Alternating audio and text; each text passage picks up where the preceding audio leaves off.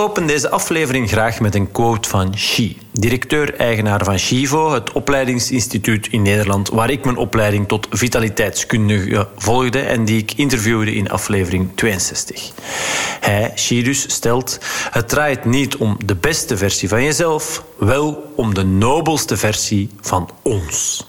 Met als betekenis voor nobel grootmoedig, met goede bedoelingen. Vind ik echt supermooi. En duidt waar ik het in deze aflevering over ga hebben.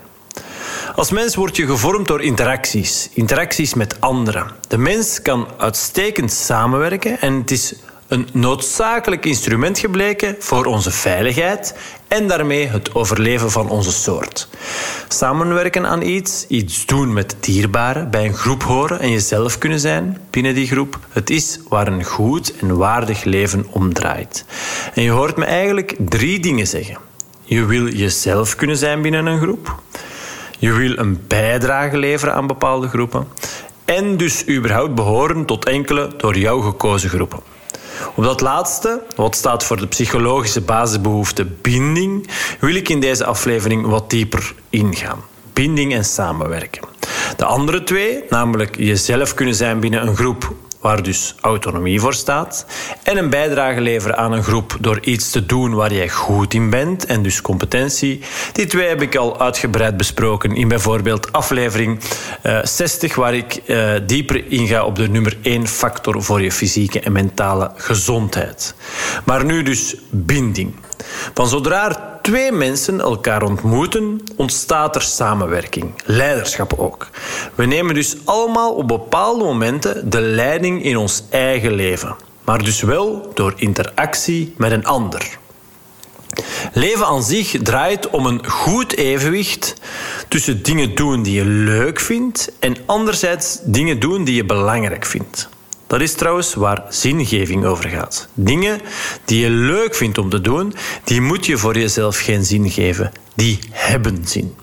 Maar er zijn ook dingen die niet per definitie zin hebben, maar waar je zin aan kan geven omdat ze een groter doel buiten jezelf om dienen of omdat het een waardevolle bijdrage levert aan een mooiere wereld.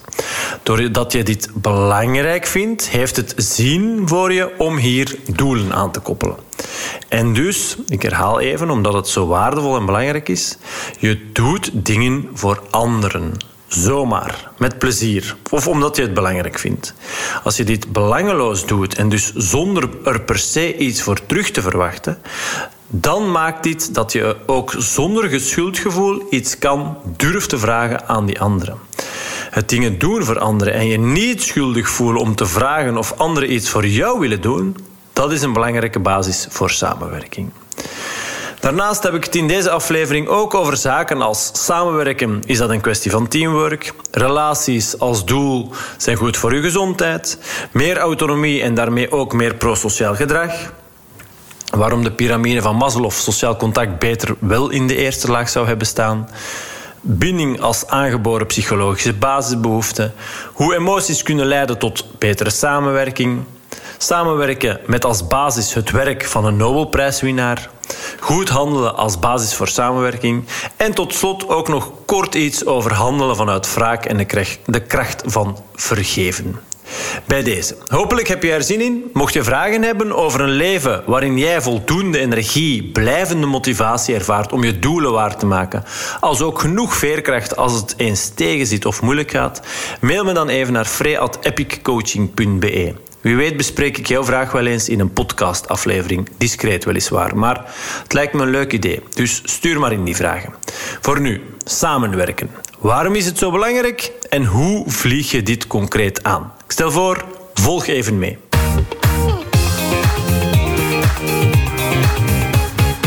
Samenwerken dus.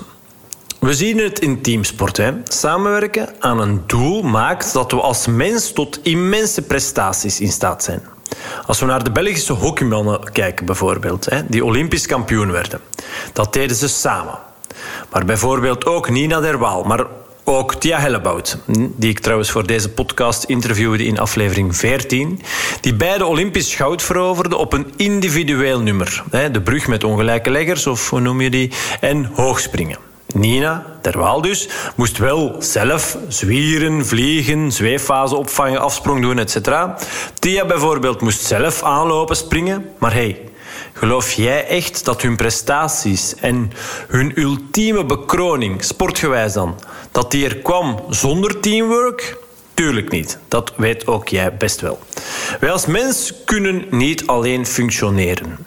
Dat zit zo in ons systeem, in onze genen. Het is iets wat steeds overgeërfd is. Over alle generaties heen. We willen samenwerken, we moeten samenwerken. Anders hadden wij het als mens gewoonweg niet overleefd. Laat staan de dominante soort op deze planeet geworden. Let op, samenwerken doen wij als mens niet alleen. Hè. Er zijn nog levende organismen die samenwerken. De bijtjes, mieren, noem maar op. Maar wij hebben dit tot een absolute kunst verheven. Het samenwerken. Samen met het kunnen toekennen van meerdere betekenissen aan één woord, dat wat we cognitie noemen, en cultuur. Dat zijn de drie C's die ons als mens uniek maken. Voor nu zouden we dat hier te ver afleiden, maar goed. Allereerst even dit. Samenwerken is meer dan samen dezelfde opgelegde doelen nastreven. Vaak zie je dat in bedrijven. Het management komt dan met een idee.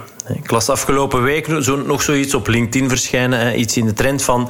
Je kan als bedrijf eigenlijk niet zonder een traject... waarbij er over de why wordt gegaan.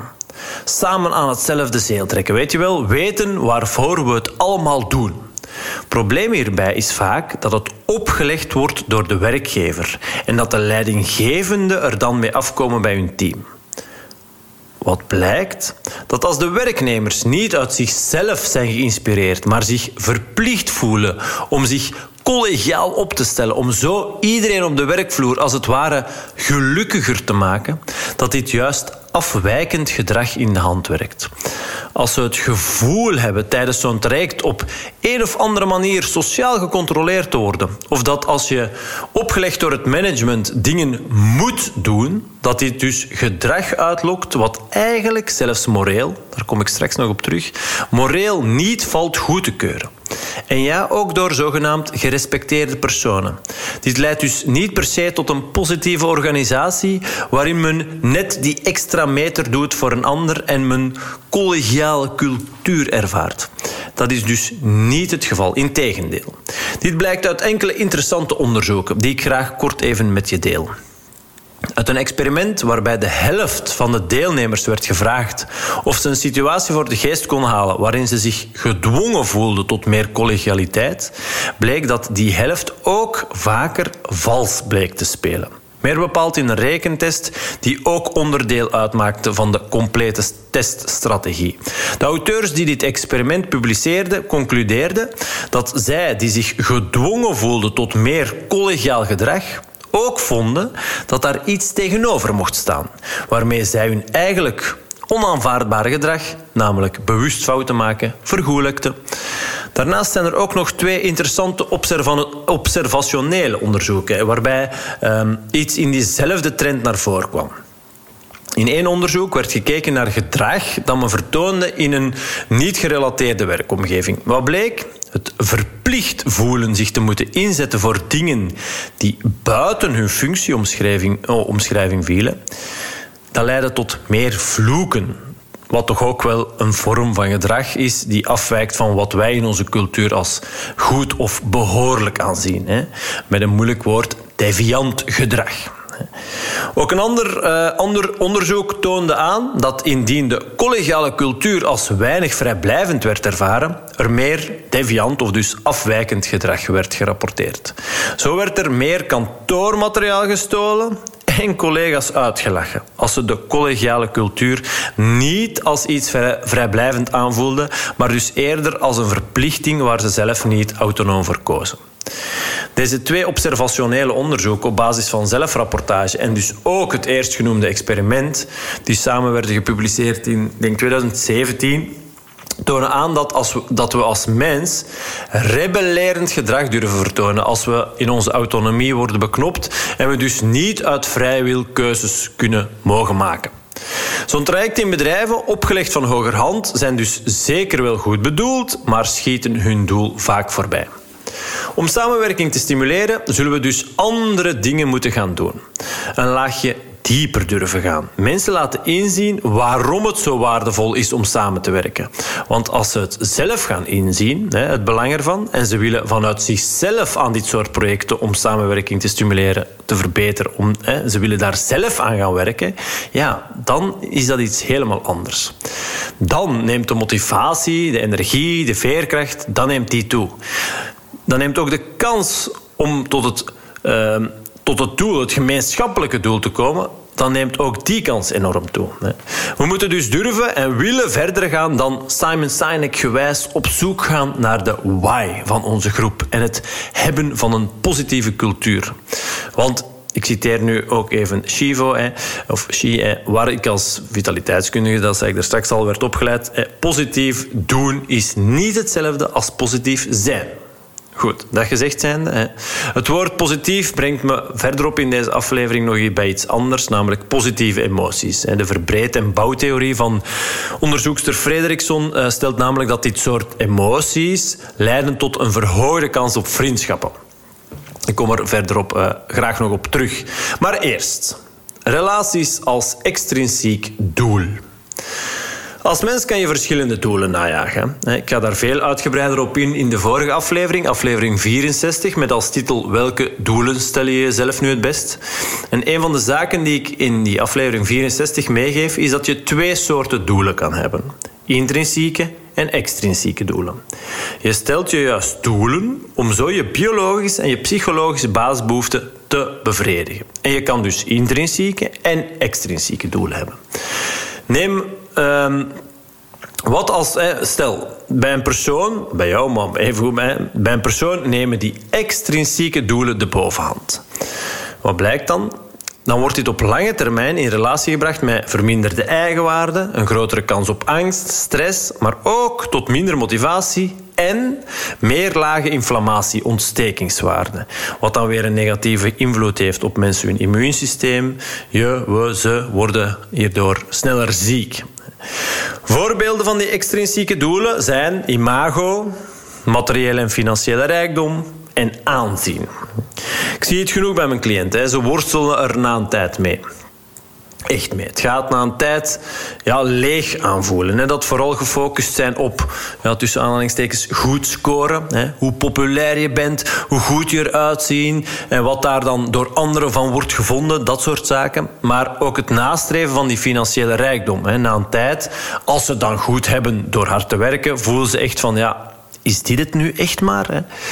Bestaat er een alternatief? Jazeker. Het alternatief is het nastreven van intrinsieke doelen. Voorbeelden van zo'n intrinsiek doel zijn relaties en goed willen doen voor de maatschappij.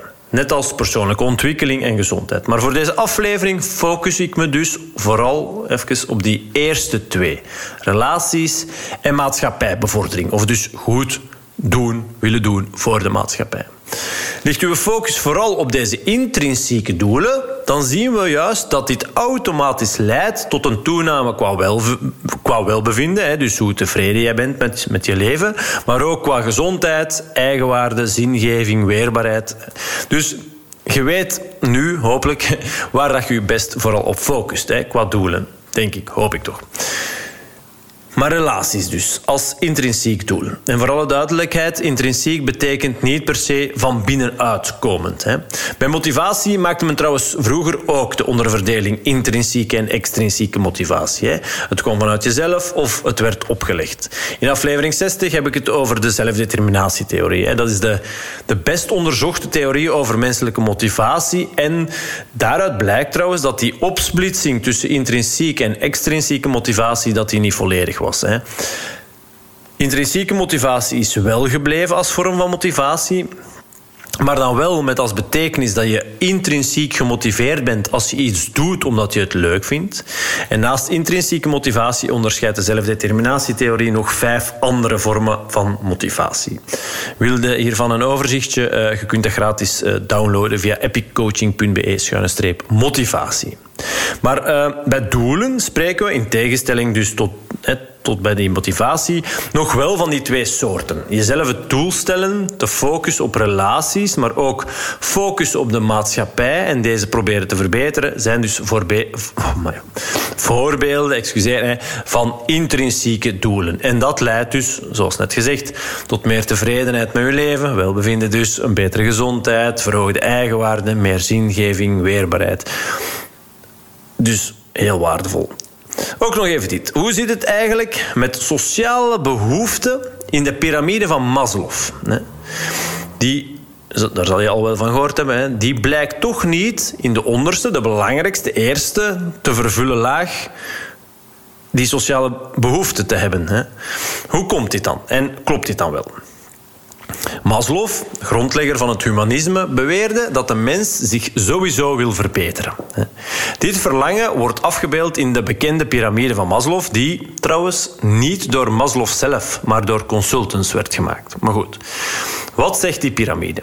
Dat er bepaalde lagen in een bepaalde volgorde moeten worden doorlopen. Men spreekt van deze lagen in de driehoek. Ik zal eens even uh, ja, even eh, als belangrijkste, dus ik zal het even overlopen. Als belangrijkste eh, onderste laag heb je de biologische eh, basis om te overleven. Om, te overleven. Denk aan een dak boven je hoofd, eten, etc. Volgende laag, veiligheid. En dan pas als derde laag sociaal contact, om dan nadien erkenning te kunnen krijgen en als laatste zelfontplooiing te kunnen ervaren. Hoe intuïtief dit misschien ook klinkt, we hebben dit namelijk jaren als betrouwbare basis uh, en, als norm gebruikt, ook bijvoorbeeld in de organisatiepsychologie. Toch blijkt dit in het dagelijkse leven niet altijd zo te zijn. Niet altijd over, overeen te komen met de realiteit dus. Um, een model bijvoorbeeld in de modewereld of een, of een profatleet die in een bepaalde categorie qua lichaamsgewicht moet zien te geraken, kiest er namelijk bewust voor om de eerste laag niet volledig te vervullen. Door zich een tijdje uh, ja, uit te hongeren. Dit om toch erkenning en zelfontplooiing te kunnen ervaren. Om maar met een voorbeeld aan te tonen dat de lagen van Maslow niet per se altijd en door iedereen in die noodzakelijke volgorde, zoals die, ja, zoals dat vaak wordt aangegeven, we moeten die noodzakelijke volgorde doorlopen, dat die dus niet door iedereen in die tussen noodzakelijke volgorde wordt doorlopen. Ik pleit hierbij dus om sociaal contact, en trouwens ook de twee andere psychologische basisbehoeften, autonomie en competentie, mee op laag 1 te plaatsen. En ze dus even belangrijk te maken als de biologische basisbehoeften. Elke mens heeft ze allemaal. Zowel de biologische als de andere, de psychologische basisbehoeften.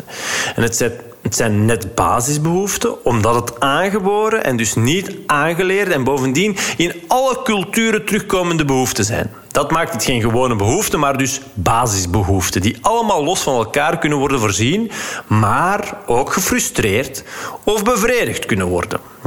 Waarbij je bevredigd moet zien als nog een stap beter, als gewoon voorzien zijn in, een bepaalde, in die bepaalde behoefte. Ik gaf hierbij al wel eens eerder in een andere aflevering, denk ik, van deze podcast de vergelijking uh, met eten. Je kunt wel voldoende calorieën binnen hebben en dus voldoen qua energiebehoeften. Hm? Je ervaart pas echt bevrediging als je ook daadwerkelijk kan eten wat jij lekker vindt en waar je dus bewust voor kiest. Kom je zelfs niet aan de nodige calorieën op een dag, ja, dan, heb je eigenlijk, eh, dan ben je eigenlijk gefrustreerd op de basisbehoefte voeding. Uh, en dat kan dus net zo zijn voor natuur, slaap, maar dus ook competentie en autonomie. Je kan voldoen aan, maar ook gefrustreerd of bevredigd zijn in deze basisbehoeften die wij als mens allemaal hebben. Dit gezegd zijnde, dit brengt me bij een volgend punt dat ik met jou wil bespreken. De zelfdeterminatietheorie, waar ik het er net al even uh, over had, geeft dus aan dat binding een basisbehoefte is. Hè. Men spreekt van uh, ja, de, de, definitie van verbinding hè, uh, die, die men daarin meegeeft, is eigenlijk de wens om positieve relaties, een warme, hechte en authentieke band op te bouwen met anderen, zich geliefd, en, ja, zich geliefd en gewaardeerd te voelen, verzorgd te worden en zelf voor anderen te kunnen zorgen. Maar wat de zelfdeterminatietheorie niet zegt, is welke van de drie psychologische basisbehoeften de belangrijkste is. En dat kunnen we wel afleiden vanuit de evolutietheorie. Puur evolutionair gezien is namelijk sociale verbinding nog belangrijker dan autonomie en competentie. Als je kijkt naar de grootste realisaties die wij als mens hebben bereikt, denk aan mammoeten en sabeltandtijgers verslaan, maar ook naar de maan vliegen of het internet uitvinden, dan blijkt dit altijd een resultaat te zijn van samenwerking en het hebben van een gezamenlijk doel. Als we samenwerken, is er dus veel meer mogelijk. Als je wil samenwerken, wat vroeger dus gewoon nodig was om te overleven, zal je wel in bepaalde situaties je eigen impulsen moeten kunnen controleren. Impulsen controleren, hè, daarvoor is dus impulscontrole ofwel discipline nodig. Het beschikken over die impulscontrole op bepaalde momenten betekende namelijk dat je de uitkomst naar je hand kon zetten. Het leuke hieraan, en daarvan verschieten best wel veel mensen die ik dit vertel, discipline wilskracht, hè, impulscontrole is trainbaar, net als een spier. Wil jij je leven zo inrichten zoals jij wil, anders dan nu, hè, dan zal je daar bepaalde impulsen voor moeten leren controleren. Want blijf je doen wat je tot nu toe altijd deed, ja, dan gaat er niets veranderen. Wat ook helpt om beter samen te werken, is het delen van emoties. In het woord emoties hoor je emovere, wat het Latijn is voor in beweging zetten. In aflevering 63 ging ik al dieper in op je emoties als krachtbron. Ook in aflevering 64, de vorige dus, gaf ik al aan dat een van de drie vormen van geluk of welbevinden ook alles te maken heeft met positieve emoties. Hedonistisch welbevinden ervaar je als je positieve emoties kan voelen, zien, bezigen.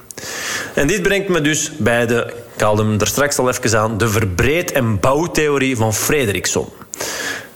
Naast het ongedaan-maak-effect, dat ook werd gepubliceerd door diezelfde Barbara Fredrickson. En dat stelt dat het ervaren van positieve emoties ervoor zorgt dat negatieve emoties, die er zeker ook mogen zijn, dat die, ehm, ja, die negatieve emoties, dus die positieve emoties ervaren, zien, bezigen, zorgt ervoor dat die negatieve emoties verdwijnen. Maar de verbreed- en bouwtheorie zegt dus iets over het feit dat emoties kunnen leiden tot betere samenwerking. Er werd namelijk aangetoond dat positieve emoties leiden tot het verbreden. Hè, verbreden van je focus, waardoor je ook meer open staat voor contact met andere mensen. Waardoor er vriendschappen kunnen ontstaan, waarop je dan weer kan bouwen. Bouw. Hè. Dus verbreden van focus, verbreed contact met anderen. Je staat meer open voor contact met anderen, waardoor er vriendschappen kunnen ontstaan waarop je kan bouwen. Bouw. Verbreed- en bouwtheorie. Wil jij trouwens eh, een overzichtje van de 10 positieve emoties die Frederickson uh, onderscheidt? Je vindt het gratis op uh, epiccoaching.be-emoties. Je zult merken dat ik daar ook verwijs naar aflevering 63 en dan specifiek naar de moedmeter. Dat is een tool die ik inzet bij mijn 1 op 1 coaching en die het makkelijker maakt om je emoties, maar ook gemoedstoestanden onder woorden te brengen. Dus op epiccoaching.be. Schuine streep emoties is die uh, handige tool gratis uh, te downloaden. En je vindt dus ook op die pagina ineens uh, een oplijsting van de 10 positieve emoties van, van Frederickson. Oké, samenwerken. Samenwerken is een deel van onze natuur. En ja, het voelen, delen en bespreken van positieve emoties helpt hierbij. Maar concreet, Rond welke regels bouwen we dit samenwerken nu op? Daarvoor baseer ik me als ik de kans krijg om ja, duurzame vitaliteit proberen te borgen in, in ondernemingen en organisaties, dan baseer ik mij op het werk van Elinor Öström. Dat is een Amerikaanse econoom, waarmee ze in 2009 de Nobelprijs voor Economie won. Elinor Öström deed onderzoek naar een wet die zei dat commons, in het Engels commons, eh, dat zijn ja, natuurlijke uitputbare bronnen, dat die enkel konden worden beheerd door een overheid of door privébezitters. Alleen kwam Elinor Öström tot tegenstrijdige observaties. Er bleek nog een derde mogelijke scenario te bestaan. Namelijk dat verschillende betrokken partijen die baat hebben bij het in staat houden van die commons, dat die gingen samenwerken. Öström bepaalde acht principes die door het leven gaan als de wet van Öström en die na een vertaling naar een vitaliteitsperspectief perfect kunnen worden gebruikt om te kijken naar hoe afdelingen, teams binnen een organisatie goed kunnen samenwerken. Ik zal ze even voor u opsommen. De acht principes zijn de volgende. Ten eerste, gedeelde identiteit en doel. Het gevoel hebben tot dezelfde groep te behoren. Ten tweede, eerlijke verdeling van kosten en baten. Is er wel degelijk een eerlijke verdeling van het werk en de verloning? Ten derde, gebalanceerde en inclusieve beslissingen. Worden de medewerkers gehoord bij overleg en beslissingen? Ten vierde, afspraken omtrent waarneembaar gedrag. Waar word je als medewerker effectief op afgerekend? Ten vijfde, gepaste respons of gedrag. Wat hangt eraan vast indien het afgesproken gedrag wordt overschreden, niet wordt nageleefd? Zes, snelle en eerlijke conflictresolutie. Als twee medewerkers bijvoorbeeld onderling of een medewerker met, met de leidinggevende, wat als die een conflict hebben? Hè? Ten zevende, autonomie, rekening houdend met principes 1 tot en met 6, die ik net meegaf.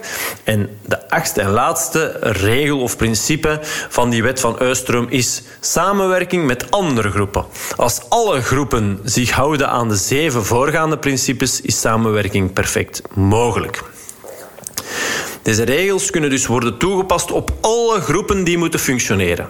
Deze acht principes zijn het resultaat van lang en intensief onderzoek en misschien net daarom zo herkenbaar als het gaat om groepen die niet goed functioneren. Zo zijn er groepen al, zo zijn er in groepen altijd wel leden, als je het zo wil noemen, hè, die zich geen onderdeel van de groep vinden en die ook niet hetzelfde doel nastreven. Regel 1 dus. Maar evengoed zijn er personen in de groep die niet gehoord worden en daarom afhaken. Dat is regel 3. Gebalanceerde en inclusieve beslissingen nemen. Het leuke aan deze regels is dat ze eigenlijk heel simpel zijn, waardoor ze door iedereen binnen een groep worden erkend. Ik persoonlijk vind het leuk en waardevol in, ja, om in groepen, meestal in bedrijven dus, hè, iets te kunnen meegeven dat niet alleen een stevige wetenschappelijke fundering kent, maar ook nog eens is gestoeld op principes van een Nobelprijswinnaar. Ik moet zeggen, dit helpt altijd wel, vind ik, ja, merk ik toch, om bedrijfsleiders, afdelingshoofden, uh, om, die te over, ja, om die overtuigd te krijgen. Een, eh, een reeks van sessies rond strategisch vitaliteitsmanagement, zo noem ik dat, om dat uh, uit te rollen binnen hun bedrijf of hun, of hun afdeling. Dus dat is wel, wel heel waardevol. Oké. Wat daarnaast ook heel krachtig is om naar samenwerking te kijken, is moraliteit. Moraliteit is de verzameling van overwegingen, opvattingen en gedragingen die algemeen als goed of behoorlijk worden aanzien. In de evolutionaire psychologie, waarbij de psychologische aspecten van de menselijke geest en menselijk gedrag vanuit het oogpunt van de evolutie, uh, evolutietheorie, waar ik het dus daarnet al even kort over had, worden bekeken, beschrijft men moraliteit als een set van regels die het samenwerken tussen mensen bevordert. Nee, het zijn dus niet zomaar willekeurig gekozen eigenschappen of handelingen. Het is goed bestudeerd gedrag binnen de evolutionaire psychologie. Men is dus gaan kijken naar welke menselijke eigenschappen een voordeel betekenden bij het reproductieproces van ons als mens. Hadden deze eigenschappen geen nut gehad, dan waren die er doorheen de tijd wel uitgefilterd, als het ware. Dus samenwerken op basis van morele eigenschappen is een van de eigenschappen die het reproduceren van ons als soort vergroten. De evolutionair psychologen zijn dus gaan kijken naar bijvoorbeeld egoïsme versus altruïsme. Altruïsme betekent zoveel als onbaatzuchtigheid. Dus dingen doen voor anderen zonder er per se iets van of voor terug te verwachten. Wat bleek nu? Groepen die bestonden uit vooral altruïsten deden het altijd beter dan groepen met voornamelijk egoïsten. Puur evolutionair, uh, evolutionair gezien. En dit is me gaan onderzoeken bij jager-verzamelaarsstammen die de dag van vandaag nog altijd leven en dus zo goed als niet in contact komen met de westerse beschaving. Hè. Puur evolutionair gezien is het dus zo dat altruïsme het samenwerken bevordert. Zijn er dan nog andere morele eigenschappen die helpen om beter samen te werken? Jawel, die zijn er zeker. Nee. Eén daarvan is merite. Moeilijk woord voor het gevoel dat het rechtvaardig is dat je het goed hebt als je hard werkt. Hm? Vertaling naar vroeger, dat als je een veldslag won, je daarvoor een prijs, lees een, of, hoor, een stuk land kreeg. Dat is net zo voor het winnen van een bepaalde competitie. Dan vinden wij het allemaal normaal dat we daarvoor een soort van prijs krijgen. Dus naast dat rechtvaardig aanvoelen dat als je voor iets hard hebt gewerkt, dat je daar dan ook iets voor in de plaats krijgt. En dus ook onbaatzuchtigheid zijn er nog morele eigenschappen. Morele eigenschappen of zelfs morele behoeften. Net omdat ze ook bij elke mens worden teruggevonden, kunnen we ook hier spreken van morele behoeften en zelfs basisbehoeften. Het zijn dus meer dan positieve eigenschappen, deugden, zoals je wil. Dus naast het rechtvaardig vinden dat als je voor iets hard hebt gewerkt, dat je daarvoor beloond wordt. En daarmee het recht hebt iets te krijgen, te bezitten. En ook dus die onbaatzuchtigheid heb je dus ook nog loyaliteit. En dus, uh, ja, dat komt ja, op het feit, dat komt neer op het feit dat je je houdt aan gemaakte afspraken. Uh, eerbied of respect, rechtvaardigheid, wederkerigheid en moedig zijn. Het zijn allemaal vormen als je wil, regels die samenwerken bevorderen. En dit blijkt dus zelfs terug te komen bij 60 nog traditioneel levende stammen. Ze worden in al die groepen gewaardeerd. Net wel, in elke sociale groep kan een van deze morele behoeften de overhand nemen. Hè? Dominant zijn. Als je bijvoorbeeld kijkt naar, naar het gezin. Hè? Ja, daar zijn zeer zeker vooral onbaatzuchtigheid en loyaliteit de belangrijkste. De, de norm. Maar dit kan dus in, in een andere groep tot, welke jij behoort net dat ietsje anders zijn. Hm? Het belangrijkste om te omarmen is um, dat die iets of wat andere volgorde qua belangrijkheid in alle culturen wordt teruggevonden. In elke stam, bij elke mens is het zo dat in het gezin waartoe ze behoren onbaatzuchtigheid en loyaliteit als, als allerbelangrijkste wordt ervaren. Ik durf hiermee te stellen dat deze, uh, ja, deze Um, ja, dat dit echt, ja, dat deze samenwerkingsregels, dat deze morele behoeften, dat die echt universeel zijn. En dat dus moraliteit echt als een basisbehoefte kan worden aanzien. Het bewijs voor het feit dat iedere mens deze samenwerkingsvormen in zich heeft, net omdat het dus onze kans op overleven groter maakte, uh, is wel wat tegengesteld ten opzichte van dat waar onze huidige westerse economie en daarmee uh, ja, de wereld rond is opgebouwd. Namelijk het streven naar maximaal eigen gewin. Daar, uh, dat waar, ja, waar het in het kapitalisme ook om draait. Waardevol om in te zien is um, dat dit dus vanuit een moreel-psychologisch standpunt eigenlijk slechts een beperkt deel is van de werkelijkheid. Die bovendien dat nog in strijd is met wat de wetenschap zegt de homo economicus hè, als uitgangspunt nemen. En dus vanuit daar uh, redeneren en, uh, en handelen als mens, ja, dat blijkt eigenlijk ook niet het meest succesvolle te zijn. En net omdat ze tegen de ja, tegen de morele behoeften uh, ingaan, zijn ze ook schadelijk voor ons als mens. Je hoorde het misschien al in aflevering 62 van deze podcast. Hè. Het opleidingsinstituut Chivo, waar ik mijn opleiding uh, tot vitaliteitskundige volgde, bracht onlangs een uh, whitepaper uit met als, als, titel Homo collaboratus, de essentie van duurzame vitaliteit. Wil je deze trouwens verkrijgen? Uh, laat dan maar even van u horen op epiccoaching.be-chivo, C-H-I-V-O. Dan zorg ik ervoor dat ook jij deze ontvangst. Maar zij, hè, dus, spreken dus van de homo collaboratus, de samenwerkende mens. Als, als, als het ware als tegenhanger van die homo economicus. En nog het meest frappant is, is een, uh, is een paradox. Hè. Het is uh, het gegeven dat we als mens ons richten op samenwerking, dat dit leidt tot meer zelfbeschikking, meer autonomie en dus het gevoel je eigen keuzes te kunnen maken. Als we daarentegen niet gericht zijn op samenwerking als basis, dan, zo toont onderzoek aan, dat we ons dan eenzaam gaan voelen.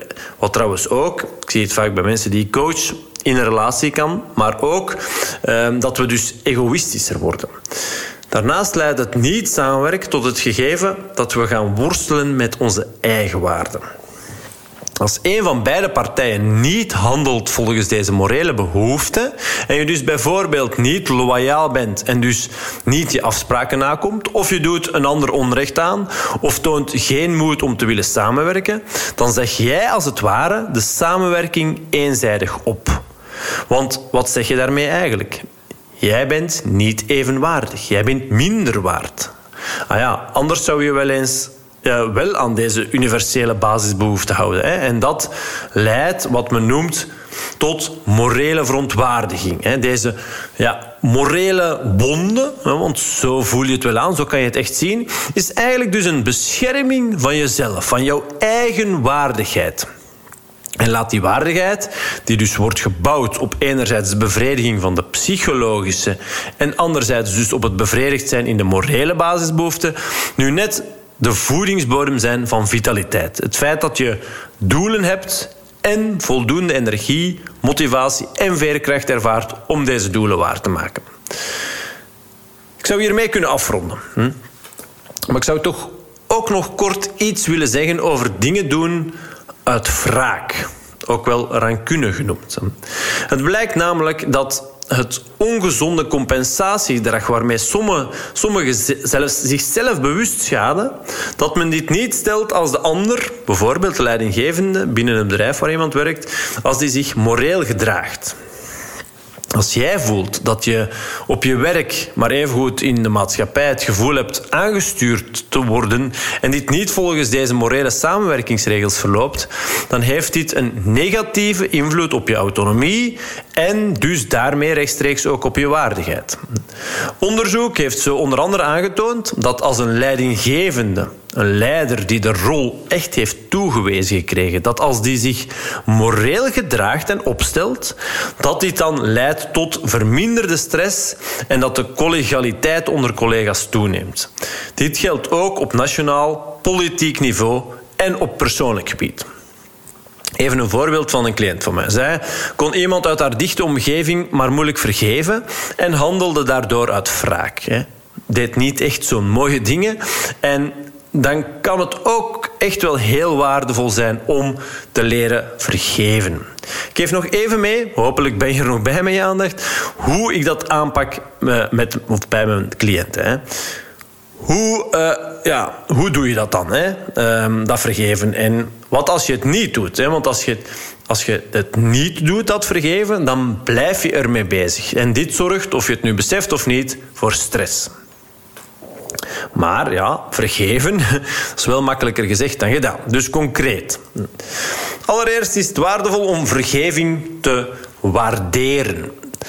Haal je hiervoor eens bewust een situatie voor de geest waarop jou iets werd vergeven. En probeer dat gevoel probeer dat even vast te houden. Als dat lukt, probeer dan eens aan de slag te gaan met het schrijven van een brief. Of nu op papier is of digitaal, maakt eigenlijk niet zoveel uit. Beschrijf in die brief wat die bepaalde persoon jou heeft aangedaan en hoe uh, dit jou, je leven, heeft beïnvloed. Hè. Schrijf ook wat hij of zij anders had kunnen doen en wat dit dan voor effect zou gehad hebben. Hè. Beschrijf daarnaast ook wat het niet vergeven jou oplevert of bezorgt of, of kost. Wat brengt het niet vergeven met zich mee? Voorbeeld van mijn cliënt, het niet vergeven zorgt ervoor dat haar eigen kinderen hun grootouders niet meer zien. Sluit de brief dan uiteindelijk expliciet af met te stellen dat je die bepaalde persoon vergeeft. That's it.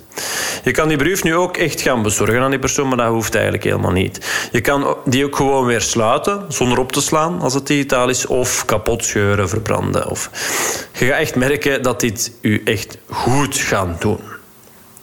Ik wil nog even samenvatten, als het ware. Waarom is het nu zo belangrijk, die samenwerking? Als mens op je eentje kan je nu eenmaal niet voorzien in al je, in al je eigen basisbehoeften. Een belangrijke uh, basisbehoefte is namelijk binding, behoren tot een groep. En dat is nogal moeilijk op uw eentje. Daarentegen is een groep wel in staat om alle basisbehoeften van het individu te bevredigen. Om de aandacht op jezelf te kunnen richten, is er een minimum aan samenwerkingsregels nodig. Die morele behoeften dus. Ik som ze nog alle zeven even voor je op. Ten eerste altruïsme of onbaatzuchtigheid. Twee, loyaliteit en je dus houden aan gemaakte beloftes en afspraken. Ten derde, wederkerigheid. Jij doet iets voor een ander, waardoor je ook zonder schuldgevoel kan vragen aan die ander om iets voor jou te doen. Vier, moed en dus lijf durf tonen. Bijvoorbeeld uitkomen voor je mening of je gevoel uiten. Ook al weet je dat dit niet bepaald een makkelijke situatie met zich mee zal brengen. Hè. Tegenovergestelde van moed is, is laf of zwakheid, luid. Um, Volgende en vijfde uh, morele behoefte, respect. En zesde is rechtvaardigheid. Hè. Doe je uh, jezelf en dus ook uh, zeker de ander al dan niet onrecht aan. En dan de laatste is dus die merite. Het feit dat we het als rechtvaardig, normaal beschouwen, dat, we als, dat als wij hard werken, we hiervoor in de plaats ook iets terugkrijgen en dus iets bezitten. En dus deze samenwerkingsregels zijn nodig om je überhaupt op jezelf te kunnen richten en autonoom te kunnen leven. Dat komt trouwens ook terug in de definitie van eigenwaarde, die vaak verkeerdelijk wordt omschreven als de emotionele waarde die je jezelf toekent. Eigenwaarde is voornamelijk afhankelijk van de perceptie van hoe anderen jou waarderen. Hoe autonoom en dus vrijwillig je eigen keuzes maken valt te rijmen met samenwerken. Allereerst valt autonomie niet te verwarren met individualisme of egoïsme. Daarnaast lijkt autonomie dus loodrecht tegenover het feit te staan dat we ons als mens dienen te houden aan morele samenwerkingsregels. En toch blijkt dit zo te zijn. Wat blijkt namelijk? Dat autonomie en het belang hiervan wordt teruggevonden in alle collectivistische culturen. Groepen aan zich zijn niet voldoende voor een goed, een, waardig leven. Tot een groep behoren zorgt er niet automatisch voor dat alle leden hun basisbehoeften kunnen bevredigen. Het is de kwaliteit van de groep, de relaties binnen de groep, die dus steunen op zaken die ik in deze aflevering van deze podcast, hè, denk dus aan die positieve emoties, maar ook die wet van Eustrom en dus zeker ook de morele basisbehoeften. Uh, het is dus om kwaliteitsvolle en betekenisvolle relaties waar het om draait. Tot verschillende groepen behoren, waarin je zo gewaardeerd wordt dat je jezelf kan zijn. Dat is ons ultieme streven en de basis voor een goed leven. Het feit dat je juist meer autonoom bent, leidt tot meer prosociaal gedrag en het nastreven van intrinsieke doelen, zoals, zoals het willen aangaan van betekenisvolle relaties en bijdragen aan de maatschappij. En daarmee is denk ik volgens mij de cirkel mooi rond. Hopelijk heb ik je hiermee weer wat inspiratie kunnen bezorgen.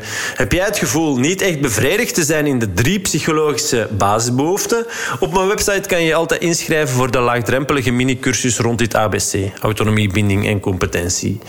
Wil je wat extra de diepte ingaan? Ik start elke maand uh, drie één op één trajecten op die zitten vaak redelijk snel vol. Maar goed, uh, je kunt altijd wel eerst even een uh, gratis introductiegesprek uh, aanvragen. En dan spreken we elkaar ja, zeer binnenkort wel.